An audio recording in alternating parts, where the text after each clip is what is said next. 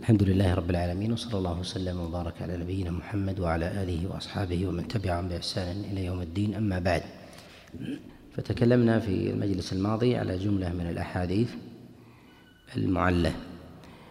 نكمل ما يناسب في هذا المجلس. الحديث الأول هو حديث الحسن.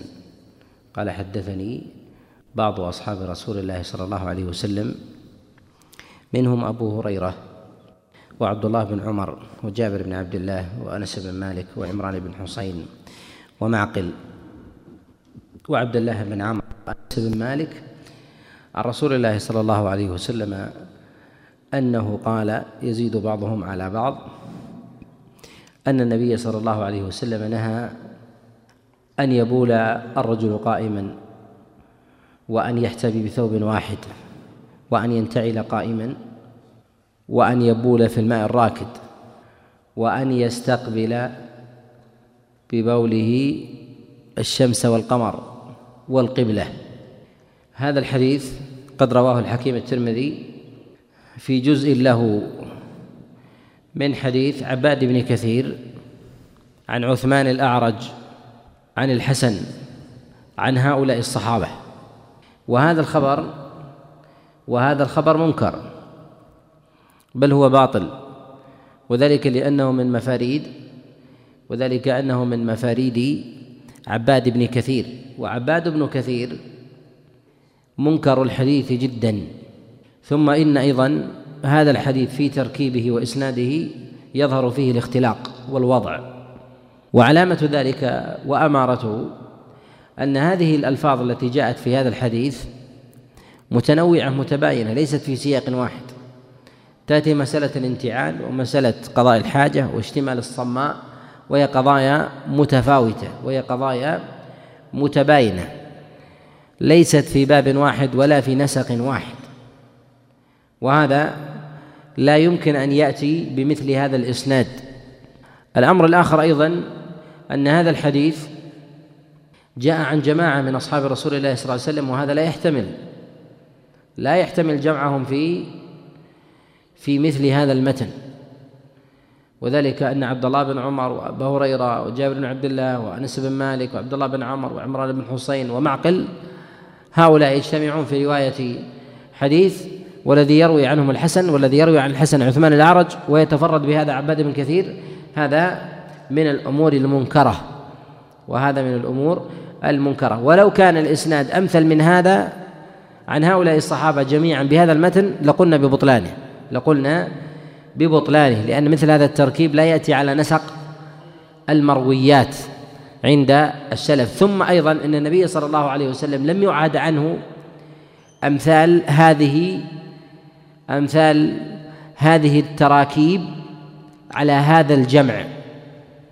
فالنبي صلى الله عليه وسلم ينهى أو يأمر بأوامر ومنهيات على سياق واحد قد تكون في باب واحد إما من أمور الآداب أو من امور التنزه أو كان أيضا من الأمور الواجبة على الإنسان بعينه أو فضائل الأعمال وغير ذلك. وهذه خليط بين هذا بين هذا وهذا والحديث في هذا أيضا أطول منه. وأما بالنسبة لجمع هؤلاء الصحابة لا يحتمل أن يتفرد بمثل هذا الجمع. لا يحتمل أن يتفرد بمثل هذا الجمع عثمان الأعرج. ولا يعرف عن الحسن أنه جمع أمثال هؤلاء الرواة في غير هذا الحديث بل ولا نصفهم. بل ولا ولا نصفهم. كذلك أيضا فضلا أن يتفرد في هذا عنه عباد بن كثير. ونستثني من ذلك أن يجمع الراوي المكثر. أن يجمع الراوي المكثر بين راويين وثلاثة ونحو ذلك. فهذا من الأمور فهذا من الأمور المتسعة التي لا حرج لا حرج فيها. لهذا نقول أن جمع الراوي للشيوخ في إسناد واحد أن هذا ليس من طرائق الأئمة التي يعتادونها ليس من طرائق الأئمة التي يعتادون وإنما يفردون في كل موضع شيخ. يفردون في كل موضع شيخ.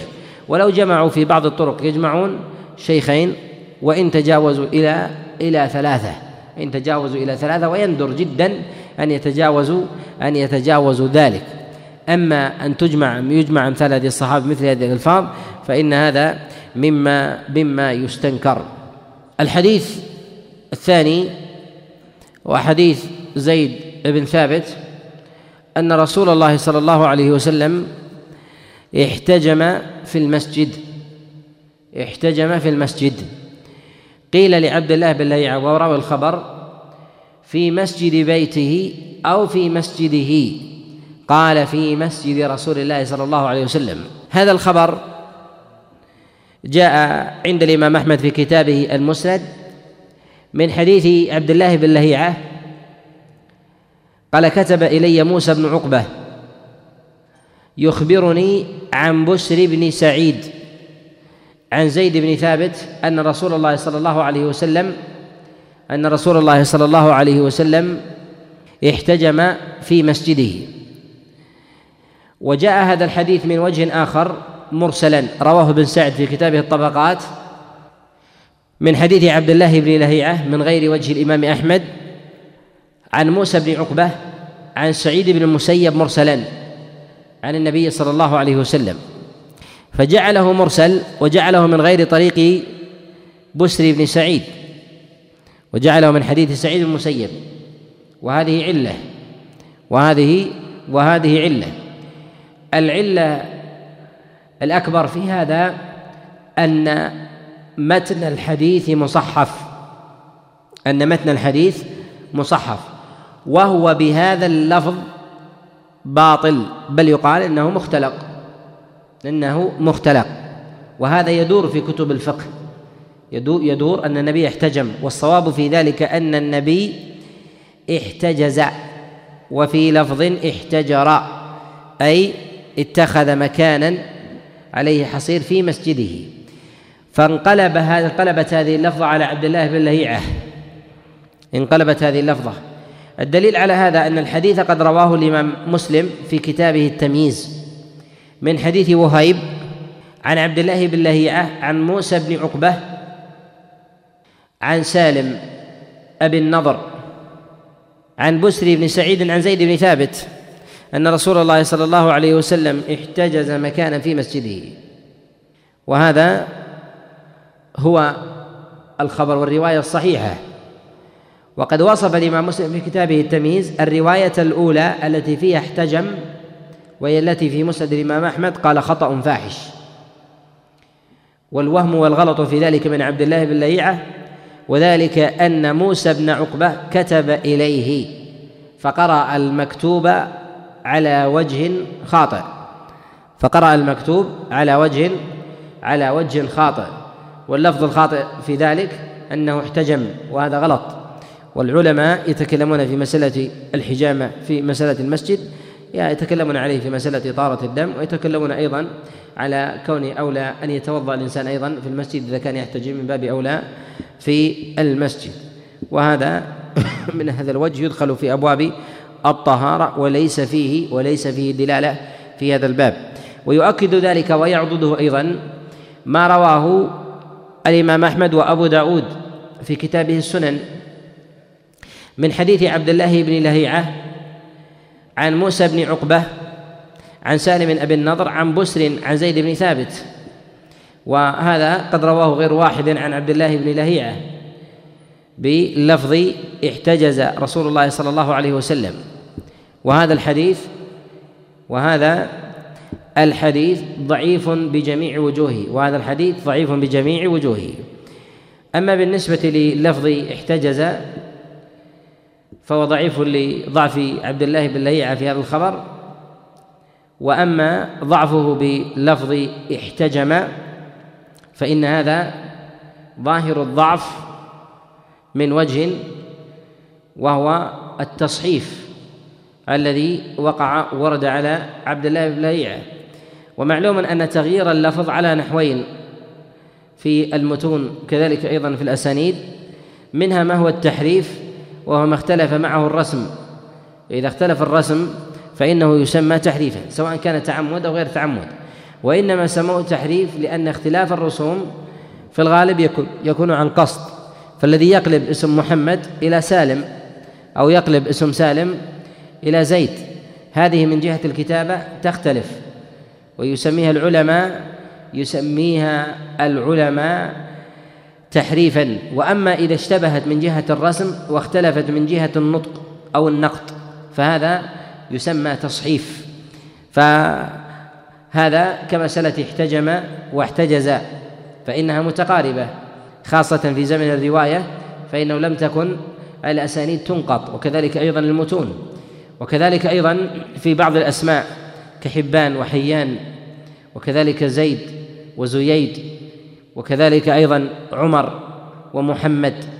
وإن اختلفت من جهة النطق لكنها تتشابه من جهة الرسم. عمر ومحمد تتشابه من جهة الرسم. إذا كتبها الإنسان فإن ولم وليس في نقط في عمر ولا في محمد وكثيرا من الكتاب وكثير من الكتابات تتشابه. لهذا ينبغي أن يفرق وكذلك أيضا يدقق في مسائل أو روايات الأسانيد وكذلك المتون. وعبد الله بن لهيعة في ذاته ضعيف ضعيف الحفظ بإجمال وذلك لأنه سيء الحفظ في ذاته. ولكن إذا روى عنه القدماء أصحابه قبل اختلاطه فإن روايته فإن روايته أحسن حالا. وهل تقبل أم لا؟ يقال تقبل عند المتابعة فقط. تقبل عند المتابعة فقط. وأمثل رواياته ما يرويها في أبواب الأقضية في أبواب الأقضية. والعلة في ذلك أن عبد الله بن لهيعة من القضاة وإن كان سيء الحفظ إلا أن الشخص إذا كان يعمل عملا وصاحب حرفة فإنه يضبط فإنه يضبط الألفاظ وكذلك يضبط المتون المعتنية التي تعتني بمهنته وحرفته فإنه كان قاضيا. فما يرد عليه فيما يتعلق بقضائه من الحدود وكذلك المواريث ونحو ذلك فإن الإنسان غالبا يعتني بأمثال هذه الأحكام. وأما ما لا عناية للإنسان به فإنه أبعد أبعد عن ضبطه وهذا أمر معتاد. الإنسان الذي له حرفة يتقن الحرفة أكثر أكثر من غيرها كذلك يعرف أخبار الناس وحكايتهم فيها أكثر من من غيرها. وعلى هذا نقول أن الحديث بجميع ألفاظه ووجوهه لا يصح عن رسول الله صلى الله عليه وسلم باعتبار أنه باعتبار أنه ضعيف وقد تقدم معنا الإشارة أيضا وقد تقدم معنا أيضا الإشارة إلى روايات عبد الله بن لهيعة. الحديث الثالث هو حديث عبد الله بن سرجس عن رسول الله صلى الله عليه وسلم أنه نهى عن البول في الجحر. أنه نهى عن البول في الجحر. أنه نهى عن البول في الجحر. هذا الحديث قد رواه الإمام أحمد وكذلك رواه أبو داود من حديث معاذ بن هشام عن أبيه عن قتادة عن عبد الله بن سرجس. وهذا الحديث حديث ضعيف. وهذا حديث ضعيف على قول بعض العلماء. ومن العلماء من يصححه باعتبار الاتصال. وهذا قد اختلف في إسناده من جهة اتصاله ووصله. فمن قال أن قتادة قد سمع من عبد الله بن سرجس اتصل إسناده فإنه يقول بالصحة. وهذا قال بسماع قتادة قال بسماع قتادة من عبد الله بن سرجس غير واحد كعلي بن المديني وكذلك قال به أبو حاتم قال به أبو حاتم وغيرهم وهو قول أبي زرعة أيضا ورواية عن الإمام أحمد كما في رواية ابنه عبد الله. ومن العلماء من شكك بالسماع بسماع قتادة من عبد الله بن سرجس. وقد نص على هذا الإمام أحمد عليه رحمة الله تعالى وكأنه توقف أو شك. وذلك أنه جاء في رواية حرب بن إسماعيل أنه قال ما أعلم قتادة سمع أحدا من أصحاب رسول الله صلى الله عليه وسلم إلا أنس. قيل له فعبد الله بن سرجس؟ قال لا أعلم له سماعا. وهذا كأنه إما توقف أو أو شبهه بالنفي. وأكثر العلماء يثبتون السماع يثبتون السماع وهذا قد أشار إليه الحاكم. أما رواية يثبت فيها النص بالتحديث واللقي صراحة فإنه لا يثبت في ذلك شيء. أما من جهة الإدراك فإن قتادة قد أدرك عبد الله بن سرجس عليه عليه رضوان الله تعالى. وبهذا نقول إن تحسين الحديث محتمل وهو ضعيف على قول بعضهم إن تحسين الحديث أو تصحيحه محتمل. وهذا الحديث أعني ما يتعلق بمعناه في النهي عن البول في الجحر قد جاء من وجه آخر موقوفا في قصة سعد بن عبادة لما بال في جحر وقيل كما جاء في رواية قتادة في المسند وفي السنن أيضا أنه سئل قال ما بال الجحر؟ قال هي مساكن الجن.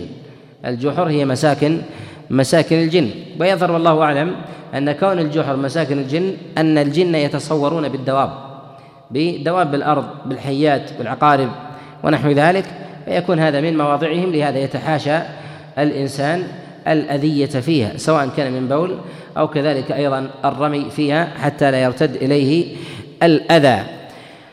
قد جاء له شاهد من حديث من حديث قتادة كما رواه عبد الرزاق في كتابه المصنف عن قتادة عن سعد بن عبادة أنه بال قائما أنه بال قائما فخر صريعا فسمع منشدا ينشد.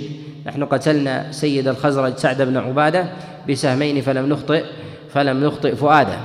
وهذا إسناد منقطع. وذلك أن قتادة لم يسمع من سعد من سعد بن عبادة بل لم يدركه بل لم يدركه أيضا. ولكن قد جاء هذا الخبر من وجوه أخرى مرسلة قد جاء من وجوه أخرى مرسلة. منها ما رواه الطبراني وكذلك البيهقي وكذلك أيضا ابن عدي من حديث ابن عون عن ابن سيرين عن سعد بن عبادة بنحو هذا بنحو هذا اللفظ بنحو هذا هذا اللفظ. وابن سيرين لم يدرك سعد بن عبادة. وقد جاء من وجه آخر قد رواه الواقدي من حديث عبد العزيز بن سعيد بن سعد بن عبادة. وهذه الرواية أيضا جاءت من حديث من طريق الواقدي محمد بن عمر.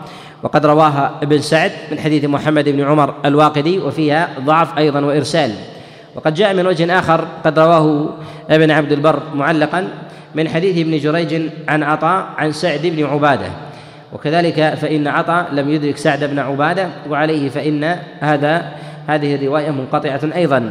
وقد جاء أيضا من وجه آخر من حديث أبي رجاء عن سعد بن عبادة وأبو رجاء أيضا لم يدرك سعد بن عبادة عليه رضوان الله. وبهذا نعلم أن الحديث قد جاء من وجوه متعددة قد جاء من وجوه متعددة عن سعد بن عبادة وكلها وكلها منقطعة. وهذه الأسانيد المنقطعة. هل يعضد بعضها بعضا؟ وهي في أحكام المرسلة. من العلماء من قال أنها يعضد يعضد بعضها بعضا وذلك لتعدد المخارج كذلك أيضا لثبوت الأصل. ولكن الذي جاء في هذا الحديث كما عند ابن أبي شيبة من حديث أبي عاصم عن ابن عون عن ابن سيرين أن سعد بن عبادة بال قائما. وما ذكروا أنه بال في جحر وإنما بال قائما قد يكون على جحر أو قد يكون على شجرة أو على حجر أو نحو ذلك. فجاء اللفظ عام ولكن جاء في بعض الروايات أنه بال في جحر فخر صريعا صرعته صرعته الجن. والروايات أكثرها لا تذكر الجحر وإنما تذكر البول تذكر البول قائما. ولكن اشتهر اشتهرت قصة سعد بن عبادة أن صرعه إنما كان بسبب بوله بوله في جحر. بالنسبة للروايات المرسلة الروايات المرسلة سواء كانت عن النبي عليه الصلاة والسلام أو عن المتقدمين من الصحابة كسعد بن عبادة وهو من المتقدمين كما كما لا يخفى. أمثال هذه الروايات هل يعضد بعضها بعضا؟ نقول إن الأحاديث المرسلة إذا تعددت من جهة المخارج تعددت من جهة المخارج فإن هذا يدل على أن لها أصل. وهذا يرجع إلى قوة السابر والناظر والناقد.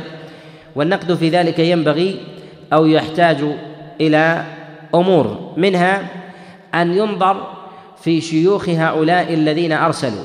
أن ينظر في شيوخ هؤلاء الذين أرسلوا قتادة وابن سيرين وعطاء وكذلك عبد العزيز ابن سعيد. هؤلاء الذين أرسلوا أمثال هذه الروايات عن سعد بن عبادة هل يتفقوا في شيوخ ضعفاء؟ إن اتفقوا بشيوخ ضعفاء ولو الواحد أو الاثنين ولو كانت نادرا فإن هذا مما مما يعلل تلك الرواية ويجعل هذه الروايات لا يعضد بعضها بعضا. وأما إذا كان كل واحد منهم له شيوخ منفردون فإن هؤلاء فإن هذا يعضد ذاك شريطة ألا يكون في شيوخ شيوخ هؤلاء أحد وضاع أو متروك. وذلك أنه احتمال أن يكون هذا الطريق جاء مرسلا من حديث ذلك الوضاع. فيكون وجود هذه الطريق المرسلة كعدمها ولا ولا يحفل بها.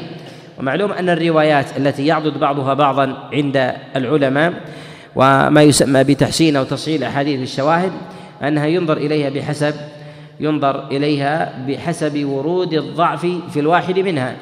فالشديدة الضعف من الروايات لا تقبل التي فيها مطروح أو متهم أو كذلك مجهول العين أو نحو ذلك أو بعض مجهولين الحالة من من من الطبقات المتأخرة.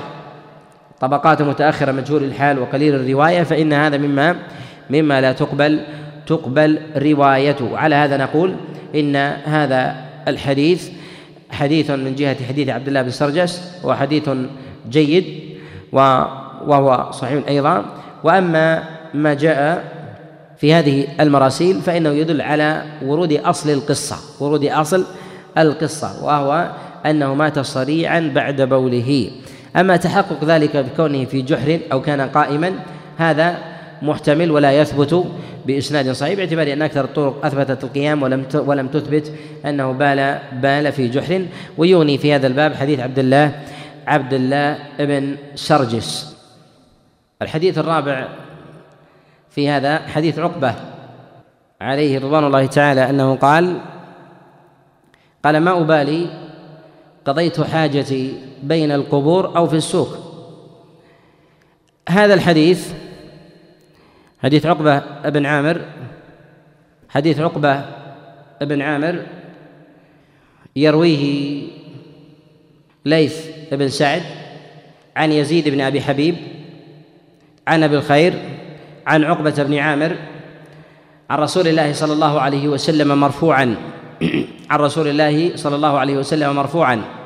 رفعه المحاربي عن ليث بن سعد كما رواه ابن ماجه في كتابه السنن. فجعله مرفوعا. وجاء هذا الحديث موقوفا على عقبة. جاء هذا الحديث موقوفا على عقبة. وذلك أنه قد رواه ابن أبي شيبة في كتابه المصنف من حديث شبابة عن ليث بن سعد عن يزيد بن أبي حبيب عن أبي خير عن عقبة من قوله. وهذا هو الصواب. وهذا هو الصواب. وبهذا نعلم أنه لم يثبت نهي عن رسول الله صلى الله عليه وسلم في قضاء الحاجة بين بين القبور وإنما هذا يكون من نهي الآداب العام من نهي الآداب العام.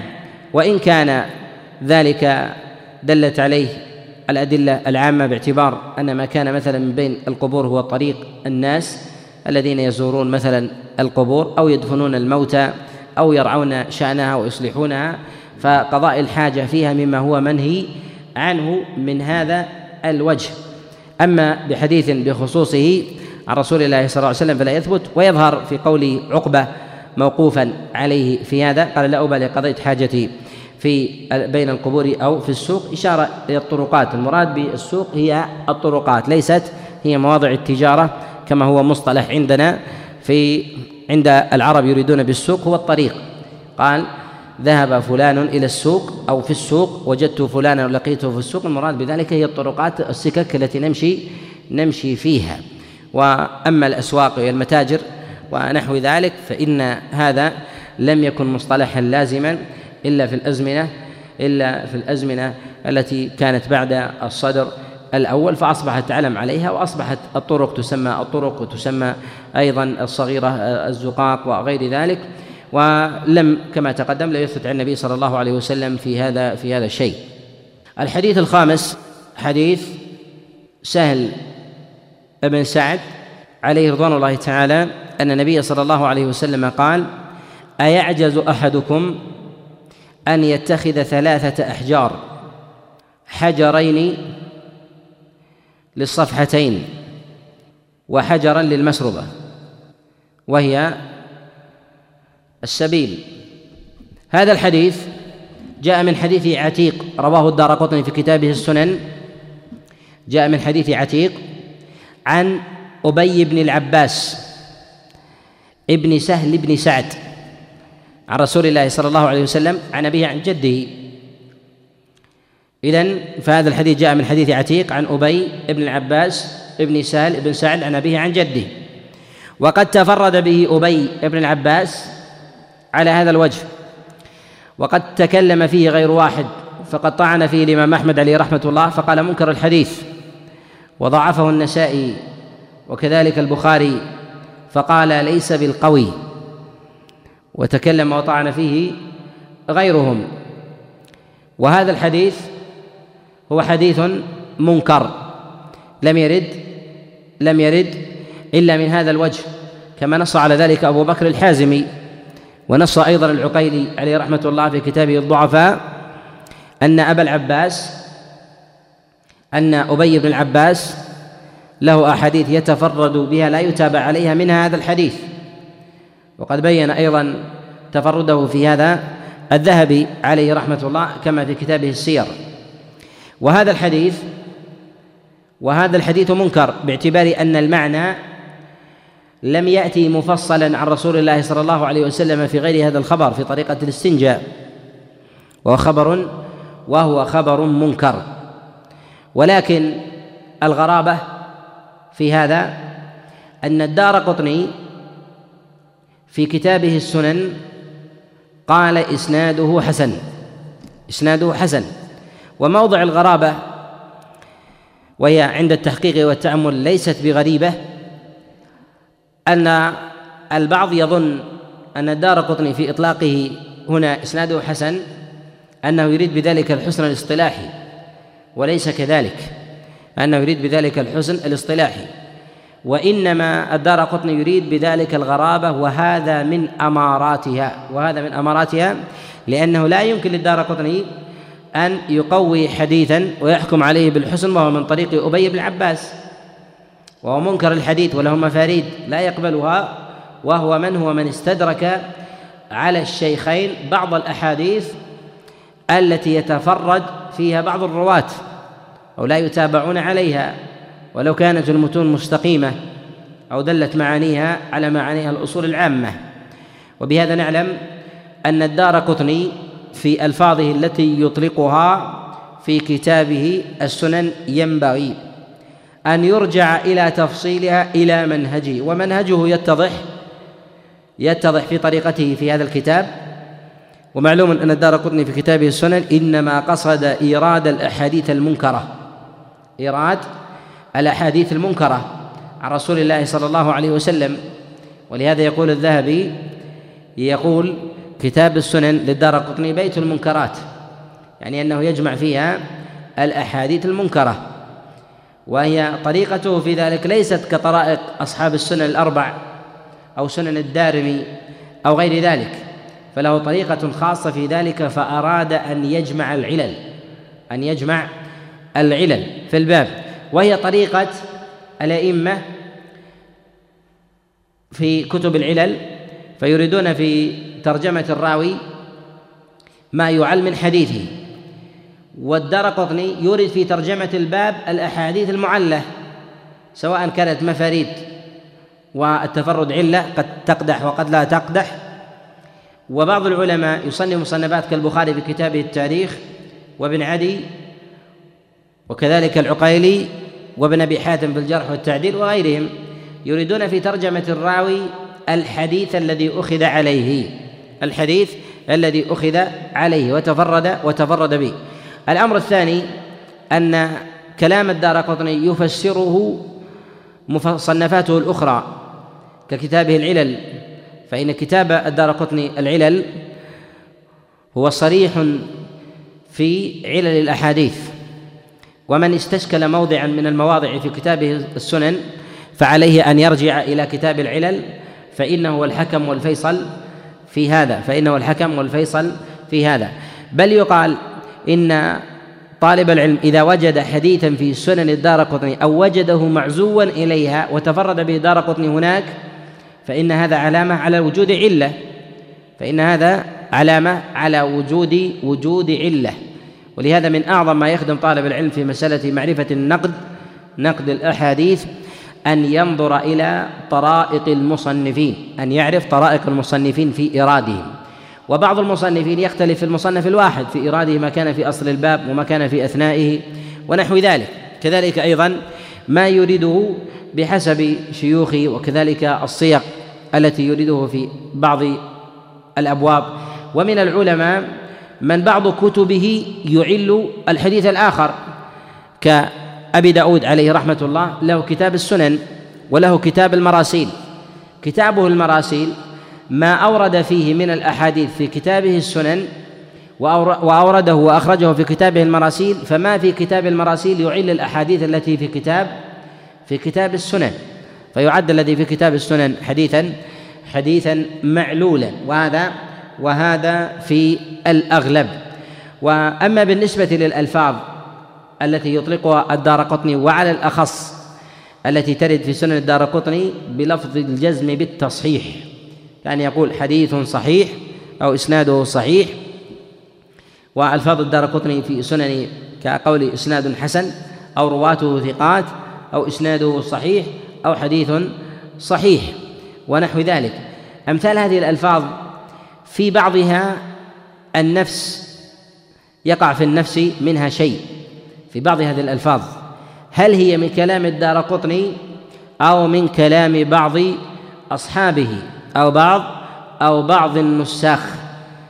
وذلك أن الدار قطني إذا عرفنا المقصد من إرادة الأحاديث هو التعليل ولا يلزم من التعليل التضعيف لا يلزم. ولهذا نقول أنه لا ضير أن يحسن أو يصحح حديث في كتابه السنن لكن أن يحكم على حديث بصحة وهو قد حكم عليه بعلة قادحة في كتابه العلل هذا هذا لا يستقيم هذا لا يستقيم. وعليه نقول أن الحديث إذا وجد مصححا في كتاب السنن للدار قطني ثم وجدناه معللا بعلة قادحة في كتابه العلل فإن ما في كتابه السنن يخالف الأرجح من وجهين. الوجه الأول أن طريقة الدار قطني في كتابه السنن هو التعليل والأصل فيه أنه معلول. فالنقل بهذه اللفظة هو نقل عن عن الأصل. ونقول بثبوتها باعتبار وجودها في كتابه وكذلك اعتماد العلماء على قبول أمثال هذه الألفاظ من المتأخرين من الأئمة كابن الملقن وكذلك أيضا ابن حجر وغيرهم. الأمر الثاني مخالفته لما جاء في سنن في كتابه العلل. فما في كتابه العلل أصرح في هذا الأمر. كذلك أيضا من الوجوه التي يعرف فيها كلام الدارقطني وتفسير كلامه خاصة في إطلاق لفظ الحسن. على بعض الأسانيد كقوله في هذا الحديث إسناده حسن أن يرجع إلى كتابه الأفراد والغرائب. الدار قطني من الأئمة المكثرين من الأئمة المكثرين في التصنيف في أبواب الأفراد وهي تفردات الرواة وبالأخص الثقات وبالأخص الثقات فإنه يعتني بمفاريدهم. وعنايته بذلك معلومة ويكفي في ذلك كتابه آه، الكبير في هذا وهو الأفراد والغرائب التي رتبها ابن القيسراني في كتاب سماه أطراف الأفراد والغرائب. فما يريده في هذا الكتاب الأصل فيه الإعلال الأصل فيه الإعلال. فإن اعتقد بإراده في كتابه السنن ثم اعتقد أيضا بإراده في العلل فإن هذا فإن هذا شبيه بالقطع بعلة هذا الحديث بعلة قادحة بعلة قادحة. وهذا وهذا هو في الأغلب وليس وليس على الاضطراد. وأما إذا حكم على حديث بالصحة ولم نجده قد أعله في كتابه العلل فإن هذا محتمل محتمل القبول. كذلك أيضا فإن مما يعضد هذا من جهة القبول والرد أن ينظر إلى كلام العلماء.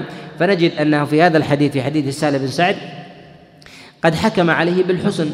ونجد أن الأئمة يطبقون على تفرد أبي بن العباس في هذا الحديث ويحكمون عليه بالنكارة أيضا كالإمام أحمد عليه رحمة الله حكمه على أبي بن العباس وتضعيف جماعة له وكذلك إعلان بعض الأئمة لهذا الحديث بكونه تفرد كالحازمي وكذلك أيضا العقيلي وكذلك أيضا الذهبي فإن هذا من القرائن التي تعضد أن بإطلاق الدار قطني على بعض الأحاديث بالحسن أنه يريد بذلك هو الغرابة والتفرد ولا يريد بذلك ما هو ما هو مصطلح عليه في كتب علوم الحديث بأن هذا الحديث حديث حسن أي فوق مرتبة الحديث الضعيف. نكتفي بهذا القدر. والله أعلم وإن كان فيه إشكال أو سؤال. نعم عبد الرحمن. يقول حديث عبد الله بن لهيعة في أمور الأقضية هل يقبل مطلقا أو لابد من متابعات؟ حديث عبد الله بن لهيعة حينما تجمع أحاديثه في أمور القضاء هو وشريك تجد أن الأكثر مستقيم تجد أن الأكثر أن الأكثر مستقيم. وهذا يجعلنا نقول أنها أنها حسنة.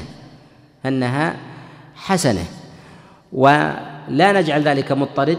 النظر في المتن مطلب ولكن الأكثر في ذلك أنه مستقيم مستقيم الحديث. فما كان في أمور القضاء نقول بتحسينه. هذا من جهة الأصل. وأما من فرد به بمعنى مخالف مثلا لما عليه الإجماع ونحو ذلك فهذه مسائل آه، نادرة. قد يعل بها ما هو آه، أوثق أو من هو أجل من المشهورين من الثقات. تعل تفرداتهم فكيف بعبد الله بن ليعة الضعيف؟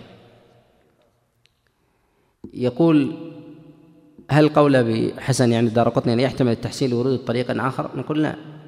الأئمة يجزمون أن تفرد به أبي ولم يرد إلا من هذا الطريق. وهذا يؤكد أن المراد بها بهذه بهذا بهذه اللفظة التفرد والغرابة نعم يقول نريد سردا ملخصا في هذا. اولا أول حديث جاء معنا هو حديث الحسن عن جماعة من أصحاب رسول الله صلى الله عليه وسلم. عن أبي هريرة وجابر بن عبد الله وأنس بن مالك وعمران بن حسين ومعقل وعبد الله بن عمر وعبد الله بن عمر عن رسول الله صلى الله عليه وسلم أنه نهى عن أن يحتبي الرجل بثوب واحد وأن يبول قائما وأن ينتعل قائما وأن يبول في الماء الراكد وأن يستقبل ببوله الشمس والقمر والقبلة. وهذا الحديث منكر. وعلته في ذلك تفرد عباد بن كثير وقد روى هذا الحديث الحكيم الترمذي من حديث عباد بن كثير عن عثمان الأعرج عن الحسن عن هؤلاء عن هؤلاء الجماعة. وهو حديث باطل وذلك أن عباد بن كثير مطروح مطروح الحديث. الحديث الثاني حديث زيد ابن ثابت. أن رسول الله صلى الله عليه وسلم احتجم في المسجد وهو مصحف الصواب في ذلك احتجز. وهذا الحديث قد رواه الإمام أحمد في كتابه المسند.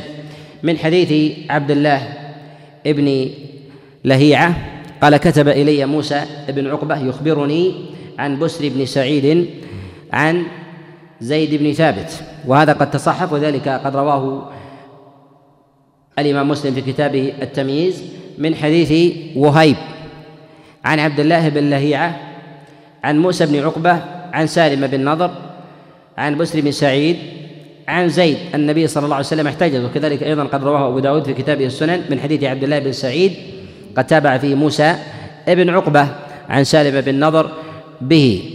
وهذا الحديث هو ضعيف بلفظ باللفظين. وأما من جهة معنى احتجز فهو ثابت عن رسول الله صلى الله عليه وسلم من وجوه أخرى وأما احتجز فهو باطل كما نص على ذلك الإمام أحمد عليه رحمة الله. الحديث الثالث في هذا حديث عبد الله بن سرجس وقد رواه الإمام أحمد وأبو داود من حديث معاذ بن هشام عن أبيه هشام عن قتادة عن عبد الله بن سرجس أن رسول الله صلى الله عليه وسلم نهى عن البول عن البول في الجحر. وهذا الحديث قد أعله بعضهم بالانقطاع بين قتادة وعبد الله بن سرجس وبعض العلماء يثبت السماع وهم الأكثر وهو قول علي بن المديني وأبي حاتم وأبي زرعة وكذلك الإمام أحمد في رواية عبد الله بن أحمد وقد جاء في رواية حرب بن إسماعيل أن قتادة لا يعلم له سماعا من من أحد من أصحاب رسول الله صلى الله عليه وسلم إلا أنس بن مالك ومنه عبد الله بن سرجس. والأظهر في ذلك السماع فإن الإدراك فإنه مدرك في هذا ولكن ثبوت التصريح بالسماع وكون قتادة لم من المدلسين لم يثبت في هذا ولكن يقال أن المعنى مستقيم وقد يقال بوجود الشاهد في هذا.